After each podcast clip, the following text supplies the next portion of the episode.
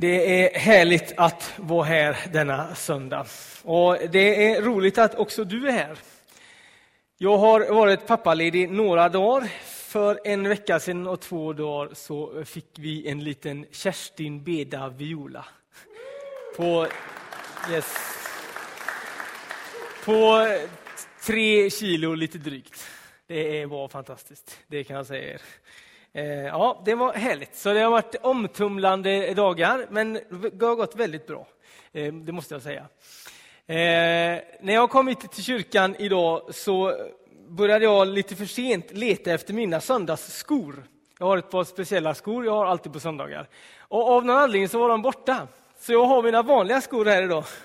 Jag hoppas att ingen ska ta illa vid sig vid det. Jag tänkte ett tag att det skulle vara barfota, men det tror jag ingen skulle bli glad över. Jag ska predika idag från Apostlagärningarna kapitel 11, men innan jag gör det så vill jag ta er med lite grann på en, en resa, ett samtal, några tankar som, som vi har haft i vår församling i ungefär två års tid.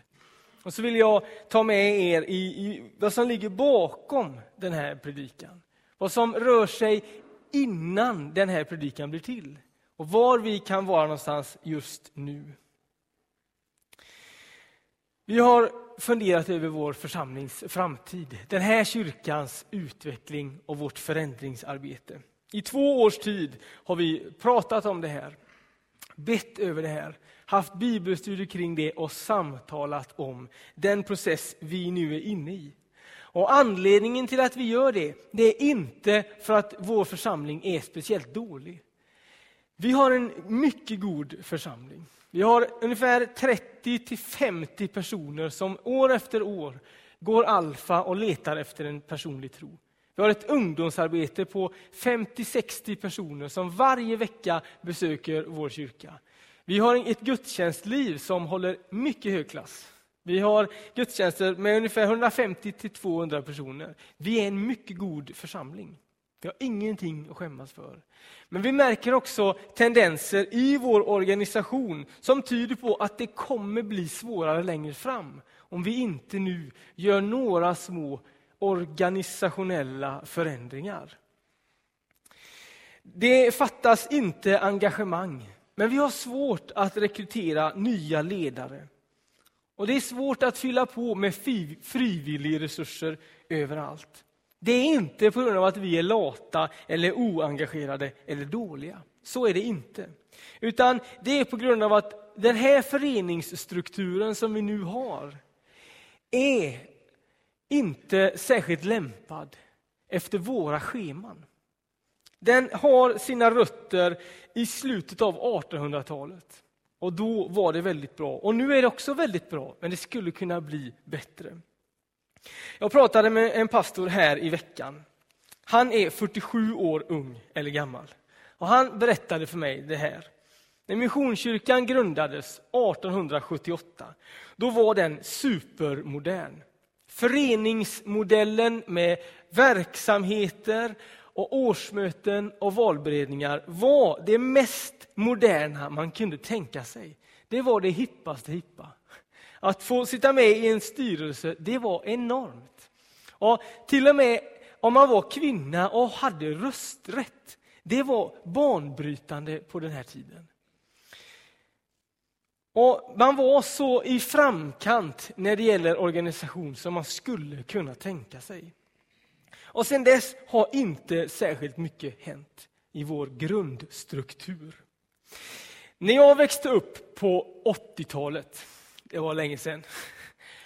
Då hade mina föräldrar mycket begränsad insikt i vad jag gjorde på min fritid. När jag cyklade hemifrån, då cyklade jag hemifrån. De visste inte riktigt vad jag gjorde. Inte för att de var oengagerade eller dåliga föräldrar. Absolut inte. Men när jag gick till min fotbollsträning, då, då körde de aldrig mig dit. Utan jag fick packa min väska och cykla dit själv. Och Sen tränade vi och när vi var klara så åkte vi hem igen. När vi hade barnkör så satt det inga föräldrar längst bak i kyrkan och lyssnade när vi övade. När jag är och tränar med Råda BK så ser jag att det finns att det är en massa andra lag där också, av, av barn och tonåringar. Och då är det 10, 20, 30 föräldrar som är där och tittar på, på sina barns träningar. Det gjorde aldrig mina föräldrar. Och jag tror inte att de, det är särskilt många i min ålderskull, eller som är äldre än mig, som hade det så. Vi har mera fritid nu än vi någonsin har haft förut, säger man. Och Samtidigt är det också så att det har aldrig varit så vanligt som det är just nu att båda föräldrarna jobbar heltid. När jag var barn så hade de flesta av mina kompisars mammor deltidsarbete eller också så var de så kallade hemmafruar. Och det var inget konstigt, så hade alla det. Vår tid har förändrats. Vår fritid har möjligtvis blivit mer, men vi har, är inte, vi har aldrig varit så engagerade i så mycket som vi är nu. När jag var barn, återigen, så stod kyrkans aktiviteter för 99 procent av min och mina föräldrars fritidssysselsättning. Det var hit man gick, flera gånger i veckan. Och Det fanns stora fördelar med det, men nackdelarna var att då blev vi en stängd grupp av kyrkans folk. Vi umgicks inte särskilt mycket med folk utanför kyrkan. Mina föräldrar har berättat för mig att när de gifte sig så var det så här i den kyrkan de tillhörde. På morgonen så var det söndagsskola för de äldsta barnen. Sen var det förmiddagsgudstjänst. Sen åkte man hem fort och åt söndagsmiddag. Och direkt när det var klart så skickade man iväg de äldre barnen till söndagsskola.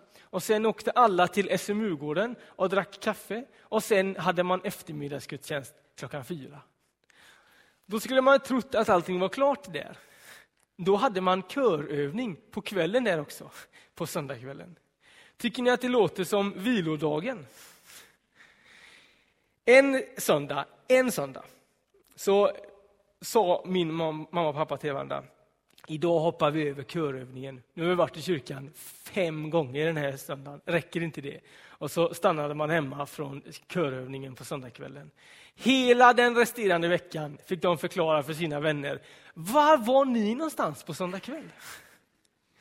Alltså, det var annorlunda. Idag är det inte som det var förr. Givetvis kan detta scenario skilja sig från ort till ort. Men de flesta jag har samtalat med beskriver en bild som liknar den här. Man la så mycket tid i kyrkan. Och Det fanns något väldigt gott med det. Och Det som var mindre bra med det var att man inte särskilt ofta stötte på människor som inte var med i kyrkan. Man hade tydliga linjer. Man satte en ära i att umgås med kyrkans folk. Och bodde man på en gård, alltså en, en, hade en innergård, så man hade många grannar, och så bjöds det till liksom kvartersfest, och då gick inte Missionskyrkans medlemmar dit. Av hävd. Det gjorde man inte. Man gick hellre till kyrkan och var där i så fall. Och Det fanns fördelar med det, men det fanns också nackdelar med det. Denna tid är förbi. Idag är vi annorlunda. Det är svårt att engagera människor i föreningar. Det är inte bara i vår kyrka, i vår förening som det är så. Väldigt många politiska föreningar har det oerhört svårt. Idrottsklubbar har också svårt att få människor att sitta med i styrelser, valberedningar och så vidare. Vi märker ett regimskifte. Den föreningsmodell som vi har byggt vår kyrka på i ungefär 100 år är ute. Man letar efter ett nytt sätt att organisera sig. Jag kan inte säga att jag vet precis hur det kommer att se ut. Givetvis kommer det finnas kvar väldigt mycket gott i den gamla föreningen. Men vi märker också att de strukturer vi har gynnar inte det syfte som är vår kyrkas utmaning. Detta regimskifte, detta, denna förändring är liksom inte om vi vill det eller inte. Den är redan här. Frågan är om vi kan anpassa våra strukturer så att det fungerar. Och svaret på den frågan det är liv eller död för Lidköpings missionsförsamling. Antingen förstår vi det och öppnar för den strukturella förnyelsen. Eller också säger vi nej, vi vill ha det som vi hade det förr. Jag gillar ju kungafamiljen. En del av er gör det, en del av er gör verkligen inte det. Den gamle kungen, han hade ett valspråk som var plikten framför allt. Kommer ni ihåg det?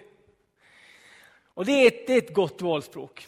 Och väldigt många människor som är födda på 20, 30, 40, 50-talet har levt sina liv med det här valspråket. Plikten framför allt. Och det, det, det är bra. Alltså man kan leva sitt liv på mycket sämre valspråk än plikten framför allt. Och så har väldigt många som är födda på de tiotalen levt sina liv med en plikt som har varit jättebra. Men det kan också bli en börda. När man känner att plikten den tar livet av mig, den tar min livsglädje ifrån mig. Och så bryter man sig ur och säger, nu vill jag inte längre vara med. Plikt och ansvarskännedom, det är goda egenskaper. Vår kung vi har nu, och då pratar jag inte om Jesus, utan Kalle Bernadotte, han har ett annat valspråk. Kan ni det? För Sverige i tiden. Det är annorlunda än plikten framför allt. Och jag som är lite royalist, jag går ju hemma och funderar, undrar vad Victoria ska ha när hon tar över. Men det tar nog ett tag. Vår kung han har för Sverige i tiden. Märker ni vilken skillnad det är? Alltså det är för Sverige, men det är också i tiden. Vilket innebär att ja, det kanske ska, kan ändras eftersom. Men det är för Sverige, men det är också tidsbestämt. Vilket innebär att det är annorlunda än den gamla kungen. Och här märker vi också ett regimskifte i vår kyrka. En del av oss vi är pliktpersoner. Vi känner plikt, vi går in och tar ansvar och det är väldigt, väldigt gott. Men vi har också människor som också är pliktkännande, också är ansvarskännande, engagerade andliga människor, men som ligger mycket närmare för Sverige i tiden. Och då är frågan, vår organisation, vår förening, hur ser framtiden ut? Kanske är inte uppmaningen bara den här, alla måste ställa upp mer. Kanske är vägen lite annorlunda. Det finns en helt annan flexibilitet i för Sverige i tiden, på gott och ont. Jag förstår det. Vi står inför detta vägskäl i vår kyrka. Vi vet inte riktigt hur vi ska gå vidare, men vi vet att Gud är med oss. Vi vet att vi behöver inte vara rädda. Han går före oss och leder oss framåt. Vi har inte blivit lämnade ensamma. Och I den bibliska litteraturen så finns det många berättelser som talar om just den här förändringsprocessen som vi är inne i just nu. När man märker att det händer någonting nytt. På flera ställen i Bibeln så talas det om regimskiften och hur folket reagerar och vad Gud gör i den tiden. Och Vi kommer att predika över just de skarvarna, de vägskälen här under den höst som ligger framför.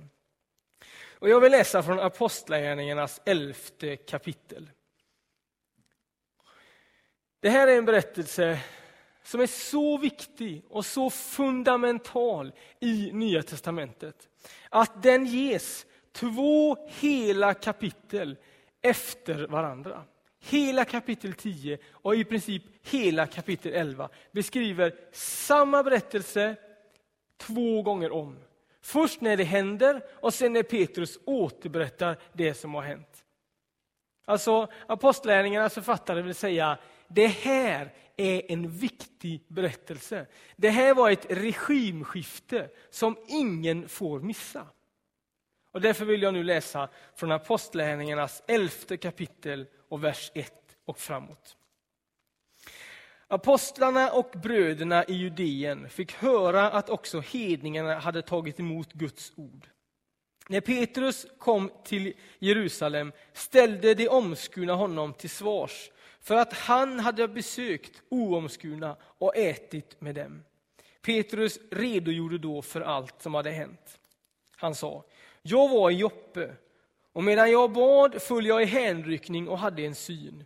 Det kom ner något som liknade en stor linneduk, hängande i sina fyra hörn, sänktes den ner från himlen och kom ända ner till mig. Jag såg efter vad det kunde vara, och då fick jag se markens tama och vilda fyrfota djur och kräldjur och himmelens fåglar. Jag hörde också en röst som sa till mig, Petrus, slakta och ät. Men jag svarade, nej, nej, Herre, något oheligt och o eller orent har aldrig kommit i min mun. För andra gången talade en röst från himlen. Vad Gud har gjort rent ska du inte göra till orent. Detta hände tre gånger. Sen drogs allt sammans upp till himlen igen. Just då stannade tre män utanför huset där vi var. Det hade samlats till mig från Caesarea och anden sa åt mig att följa med dem utan att tveka. De sex bröderna där följde också med mig och vi kom hem till mannen. Han berättade för oss hur han hade sett ängeln stå i hans hus och säga, skicka bud till Joppe efter Simon som kallas Petrus. Han har något att säga som ska rädda dig och alla i ditt hus. Och när jag då började tala föll den helige ande över dem alldeles som över oss i den första tiden. Då kom jag ihåg vad Herren hade sagt. Johannes döpte med vatten, men ni ska döpas med helig ande. Sen sedan de kommit till tro på Herren Jesus Kristus har Gud alltså gett dem samma gåva som vi fick. Hur skulle jag då hindra Gud? När de hörde detta lugnade sig och sa, och de prisade Gud och sa, så har Gud också gett hedningarna möjlighet att omvända sig och få liv. Petrus är en judisk man. Han är rättrogen. Han går inte in under hedningarnas tak. Han har satt en ära i att göra skillnad på människor. De som är rätt och de som är fel. Och så är han hungrig och så är han på taket. Och så får han se en syn från Gud, där Gud säger till honom, du ska inte göra det orent som jag har gjort rent. Och de matlagar som ni nu har satt upp, som skiljer er från de människor som jag vill nå, de ska ni inte längre bry er om. Jag har gjort allting rent. Och I detta tumult, när Petrus känner hur liksom grunden i hans liv står och svajar, då knackar det på hans dörr. Och där ute står det några personer som ropar på Petrus och säger, vi har upplevt Gud, men vi vet inte riktigt vad det är för någonting.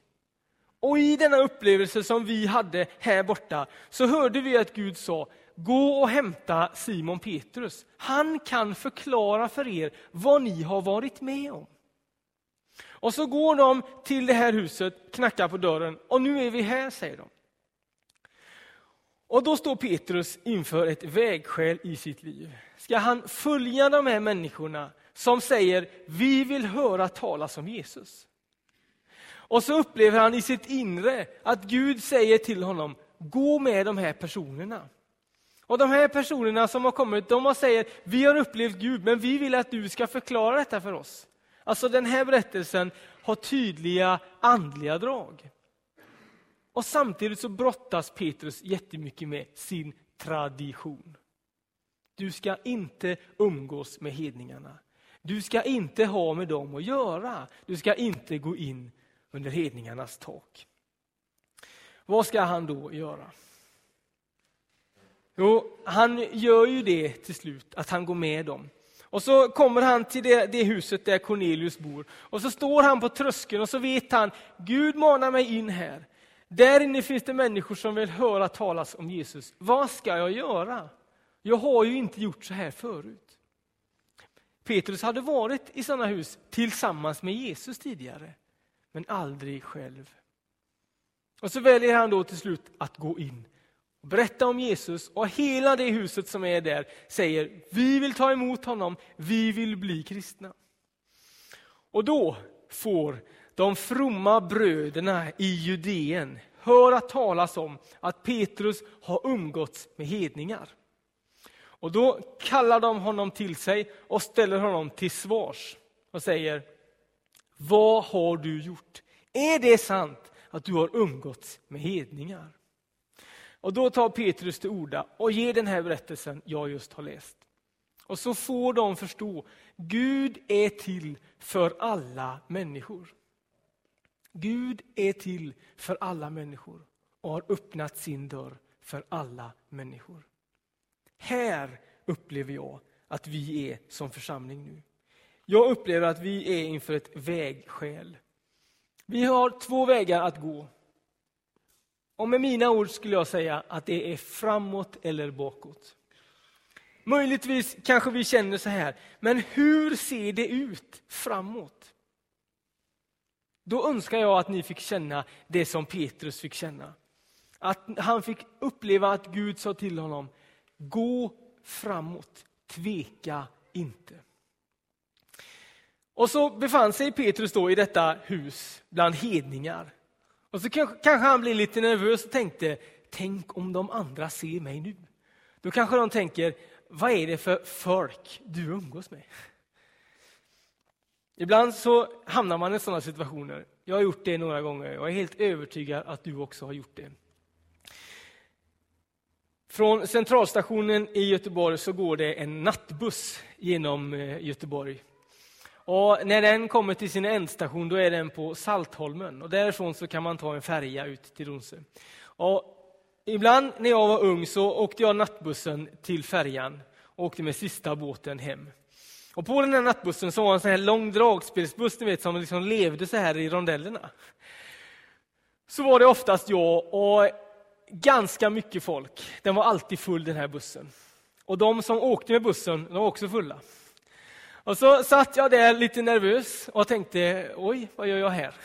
Och så hade jag en, en kompis som fick se mig när jag satt där, så hon satte sig bredvid mig. Och hon var lite så, rund under fötterna. Och ni vet ju hur det är när man, när man pratar med sådana människor som vet vem man är. Efter bara några sekunder så börjar vårt samtal handla om Jesus, om kyrkan och om tro. Och så säger den här tjejen till mig, P.A. du är ju kristen, eller hur? Och det kändes som att alla i hela bussen bara zitt, vände sig om och tittade på mig när jag skulle svara där. Ja, det är jag, så. Och då började hon samtala med mig och kanske anklaga mig mer eller mindre för allt det dåliga som kyrkan hade gjort genom hela världshistorien. Har ni varit med om det någon gång? Ibland får man bära även det dåliga. Och så fokuserade hon väldigt mycket på hur dålig kyrkan har varit mot kvinnor. Och jag försökte liksom nyansera den diskussionen och sa, jag kan inte svara för det som kyrkan har gjort mot kvinnor, men det jag vet är, och så berättade jag Jesus och äktenskapsbryterskan. Och så berättade jag om Jesus med kvinnan vid Sykars brunn. Och så berättade jag om alla de tillfällen, inte alla, men några stycken, där Jesus är så god mot kvinnorna. Och då så sa hon, ja, det är svårt att argumentera med det, men kyrkan har varit dålig. Ja, det kanske den har varit, sa jag. Och sen så gick vi av den här bussen. Och då kom det fram människor till mig som hade suttit och tjuvlyssnat. Och så var det framförallt en kvinna som sa, jag har också svårt att förstå det kyrkan har gjort, men Jesus, han gillar jag. Man kan ju tänka att man är på fel ställe, men Gud är alltid med oss. Och när vi tror att vi är i det mörkaste mörka, då behöver vi inte vara rädda. För det ljus som lyser i mörkret, som mörkret inte har övervunnit, det bor i oss. När vi flyttade hit så eh, frågade jag lite grann så här om det fanns några löparspår där man kunde springa. Så var det någon som rekommenderade att vid ridhuset så finns det goda löparspår. Ja, så då gick jag dit och så stoppade jag i mina hörlurar och så lyssnade jag på en predikan av någon annan duktig predikant. Och så stod jag och tittade på den här kartan som liksom beskriver hur de här eh, eh slingorna är. Man vill ju inte gärna springa vilse, då kan det bli långt. Och så stod jag där och tittade och så märkte jag inte hur det smög upp två personer bakom mig och liksom började prata med mig. Och jag hörde inte det, för jag hade hörlurar i öronen och tittade på kartan. Och sen när jag vände om fick jag se att det stod en person där och liksom, jaha, då fick jag ta av mig min hörlur och fråga, vad sa du? Då sa hon, eh, kan du vägen här i, i ridhuset? Nej, sa jag, jag har ingen aning. Det här är första gången jag är här. Vi har precis flyttat hit. Jaha, vad intressant, sa hon. Varför har du flyttat till Lidköping? Och så började vi prata där och så kom vi fram till att de hade också flyttat hit alldeles nyss. Och så beskrev jag för henne att jag hade flyttat hit för den här kyrkans skull. Och så började vi prata med varandra där. Och så sa jag, men ni får gärna komma till Missionskyrkan en gång om ni vill. Det är en väldigt fin kyrka. Ja, men det ska vi göra då, sa de. Och så gick vi var och en åt sitt håll. Och sen efter några månader så tittade de in här. Och så har de varit på gudstjänst här några gånger. Jag stod och var from, lyssnade på predikan, försökte vara redig, läsa mig till rätt väg. Och medan jag inte var ens med om det, så sökte det sig människor till mig som ville ha vägledning. Jag kunde inte ge dem rätt väg i ridhuset, men jag kunde peka dem till Missionskyrkan. Det här var till och med en måndag, när pastorn är ledig. Och så kan man ju tycka då att jag var på fel ställe och inte beredd. Men Gud gjorde någonting där. Och så fick jag vara med om någonting som jag inte trodde att jag skulle. Vad vill jag då säga? Det finns enorma fördelar med den kyrka som kommer oss till mötes. Den ser annorlunda ut, men vi behöver inte vara rädda. Gud är med oss. Och ibland när vi rör oss in i ny mark, till nya platser, bland nya människor, så ska vi tänka så här. Tänk att alla de här människorna får vara med mig. Jag som är Guds barn. Och om det, det tycks vara mörkt kring dig så behöver du inte vara orolig heller. Det är ljus som lyser i mörkret, som är Jesus, som är världens ljus, kan lysa upp den situation där du är. Vi står inför ett vägskäl. Framtiden är oerhört spännande. Vi längtar efter och ber om att fler människor i vår stad och i vår bygd ska få lära känna Jesus och följa honom med sina liv. Vi upplever en andlig längtan runt omkring oss. Människor som inte känner Jesus frågar efter honom, undrar efter vägen, vill veta. Men man vill inte vara med i föreningen. Men man vill vara med i gemenskapen och i församlingen. Framtiden är god. Gud leder oss vidare. Här är vi just nu, i detta vägskälet. Kanske undrar vi, hur ska det gå? Kanske kommer andra att ställa oss till svars och undra, vad gör ni egentligen? Men Gud leder oss. Och Jag skulle önska att vi alla får känna att han leder oss in i den framtid som kommer oss till mötes. Den kommer inte se ut som historien. Men den kommer vara inspirerad av den historia som vi har. Men framtiden är framtiden. Och Gud är i framtiden och kallar oss vidare. Ska vi be tillsammans?